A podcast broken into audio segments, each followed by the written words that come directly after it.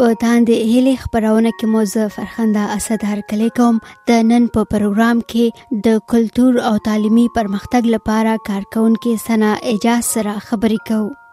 چې چار دیواری پاتې او مین بلډینګ یې لوتي او پاغه کې چې کې او الکان چې کوم دی واړه واړه او استاد وته ولاړ په نور باندې بلډینګ پورا لوتي هغه خپل سبق وې نو په دې ما همه کې نور همت راشي سنا اجاز د خیبر پښتونخوا د مردان سره تعلق لري هغه د جنکو د تعلیمي پرمختګ لپاره کار کوي د پیښور په جرنالیزم ډپارټمنټ کې زده کوونکو ته ټریننګ هم ورکوي سنا اجاز د کلتوري پرمختګ او د پښتو ژبې د ودې لپاره د یوې ادارې غندارا جوړونکې هم ده او د ماشومانو د لوبو د وسلو یا ټای ګنز خلاف هم یو کمپاین چلوي د پیښور په جرنالیزم ډپارټمنټ کې د خپل کار په اړه سناوای ای ټي او ډیپلوما کورس چې په ډیپلوما کورس کې جرنالستان څنګه چې فرخنده وی تاسو په درځي زموږ رسمي مجله ته خبره سره مخ ته تیر ډیر شو کال نو خصوصي توګه نه شو کال نو دا غي په وجه باندې جرنالستان ته یا صحافیانو ته چې کوم ډیر زیات مصیبتونه ته مخ کې راځي نو دا غي د وجې نه موږ دا سوچ وکړو چې غي د پاره یو داسې کورس وي چې هغه کې هغه خپل ځان سیفټي باندې کار کولی شي خپل حفاظت باندې کار کولی شي او سکلز چې کوم بیسیک سکلز چې کوم دي یا هنرونه چې کوم دي د صحافت سره ایلیمنت او په ټول دنیا کې کیږي نو هغه یو شارټ هغه ته موږ بوټ کیمپ هم ویل شو چې په ډیر درې میاشتې کورس کې موږ هغه ته دا خو خو کوشش کوو او زه هغه سره په هیومانیټي باندې یعنی په انسانیت باندې کلاس هم علم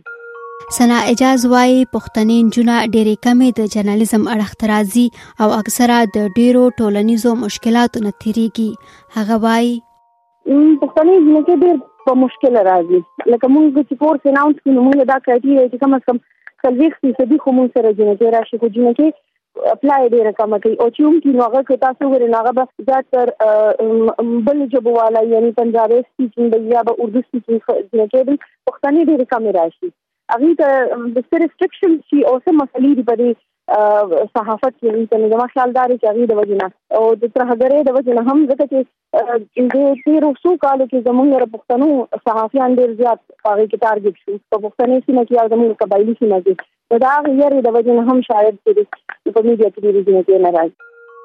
سنا اعجاز د ګندارا په نوم د امن او د کلتور د پرمختګ اداره هم چلوي هغه وایي د تیرو څو کلونو راهیسې د پښتنو په سیمو کې بدامنۍ کلتور او د خلکو ژوند سخت نقصان رسولی دی دا چې د دغه ادارې له لارې هغه څنګه د کلچر او ادب د ودې لپاره کار کوي او بدمنۍ تر ټولو زیات د پښتنو د ژوند کوم اړخ ځپلې په ځواب کې اسنا وایي د دې حالت نه ډیر غټ نقصان چې کوم دی هغه دی وخت زمونږ ادب په کلچر کې ډیر څه زموږ ترسره زمونږ ادب ته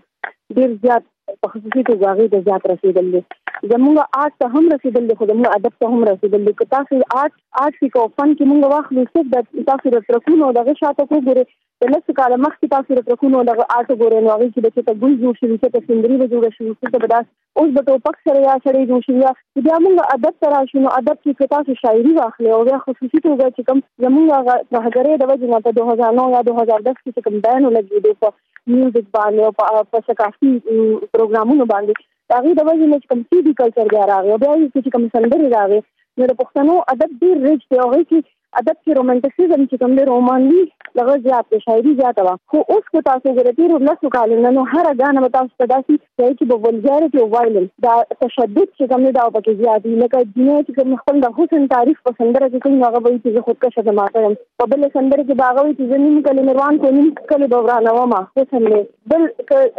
محبوب د خپل محبوبې دغه کوي تعریف کوي په سندره کې مداس لګي چې سترګې دې دې تمام شي دي لکه دا زمونږ یو غټ نقصان دی